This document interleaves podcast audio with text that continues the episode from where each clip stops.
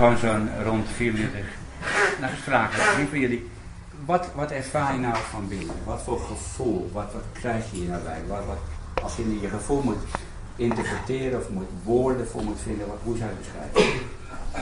Rust en vrede. Hè? Rust en Rust vrede. en vrede. Vreugde. Hè? Of vreugde. Vreugde, Alsof iets groeit. alsof iets groeit. Geliefd. Wat? Geliefd. Geliefd. Hmm. Ik word helemaal warm. Ja, heel warm. Sterk. En sterk. En Ik voel hem heel krachtig worden. Voel me heel krachtig worden. Oké, we hebben zo'n paar gepakt die denken, Openbaring. Profetische openbaring. profetische openbaring. Toch niet over mij, hè?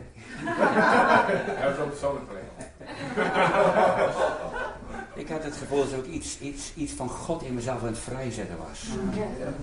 Gevoel. Oké. We gaan een heel ander aspect van Thomas spreken pakken voor een paar minuten. En dan gaan we dat ook weer praktiseren. En dan gaan we eens kijken hoe het, hoe het dat gaat. Wat nou met de mensen die dat niet hebben? Dan gaan we straks heel veel bidden. Ik heb het allemaal niet. Dan gaan we straks bidden. Dat we jou krijgen, ja. Oké, we gaan terug even naar Romeinen 8.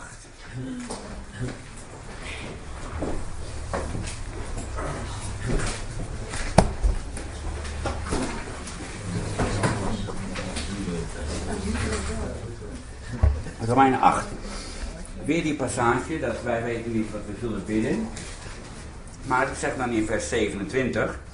En hij die de harten doorzoekt, weet de bedoeling van de geest, dat hij namelijk naar de wil van God voor heiligen pleit. Dus de Heilige Geest door mij heen bidt niet alleen voor mij, maar die bidt ook voor heiligen.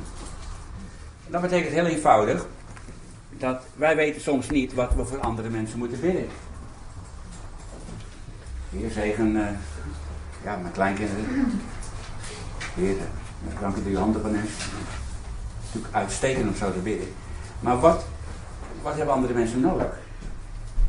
Nou, ik ga weer even terug naar het begin van onze tijd op het. Ik had daar les over gegeven. Ik kom uit een groep die hier toch wel iets van begreep. En er was een vrouw die had mij hier les over horen geven. Dat was op een klein eilandje, helemaal in het noorden van Australië, waar we begonnen zijn. En haar dochter, die was naar het vasteland gaan wonen. En er was natuurlijk geen telefoonverbinding, er was geen e-mail, geen internet. Je kon wel een telefoongesprek boeken en dan moet je vier uur laten komen. Nou, maar die stekkertjes, heeft iemand dat nog herinneren? En nou, hoe oud ik ben, ik herinner me dat nog. En eh, eh, goed, maar op een vrijdagmiddag vertelde die moeder mij, opeens werd ze heel bewogen over haar dochter. En ze besefte, de baby kon el- elk ogenblik geboren worden. En ze merkte gewoon, als moeders, en moeders kunnen dat, die, ze voelde gewoon, deze is niet goed. Ze begon te bidden. En uh, zegen mijn dochter, laat de baby goed geboren worden in die trant. Maar terwijl ze ging bidden, werd de, de, de last eigenlijk steeds groter. Ze voelde gewoon, er zit iets niet goed. Maar ja, na een poosje, ze sprak Engels, heb je alles gebeden wat je moet bidden. Heer zegen de dokters, en zegen de medicijnen en wat, dan ook. En ze, het werd alleen maar groter. En toen ben ik gaan praktiseren wat jij zei, ik ben in tongen gaan bidden. Voor mijn dochter. En ik wist dat ik voor haar bad. En naarmate ik in tongen begon te bidden, werd de last steeds groter.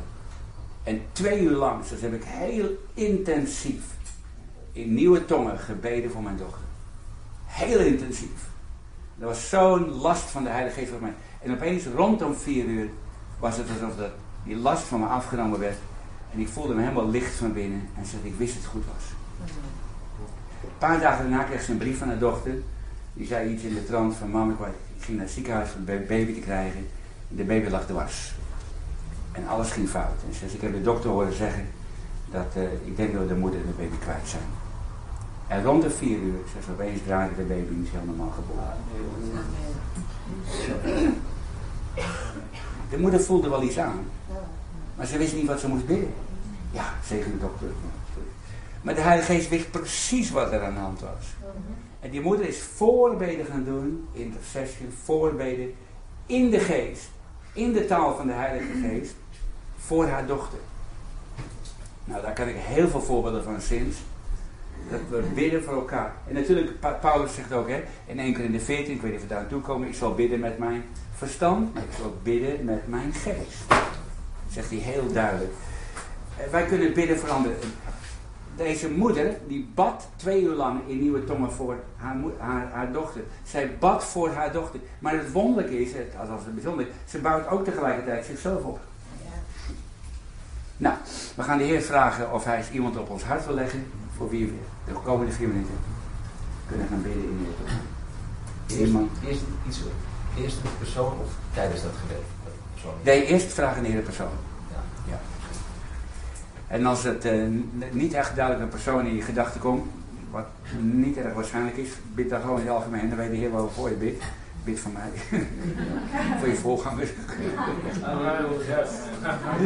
Oké. Eh, meestal als ik dit doe, heeft iedereen wel een naam of namen.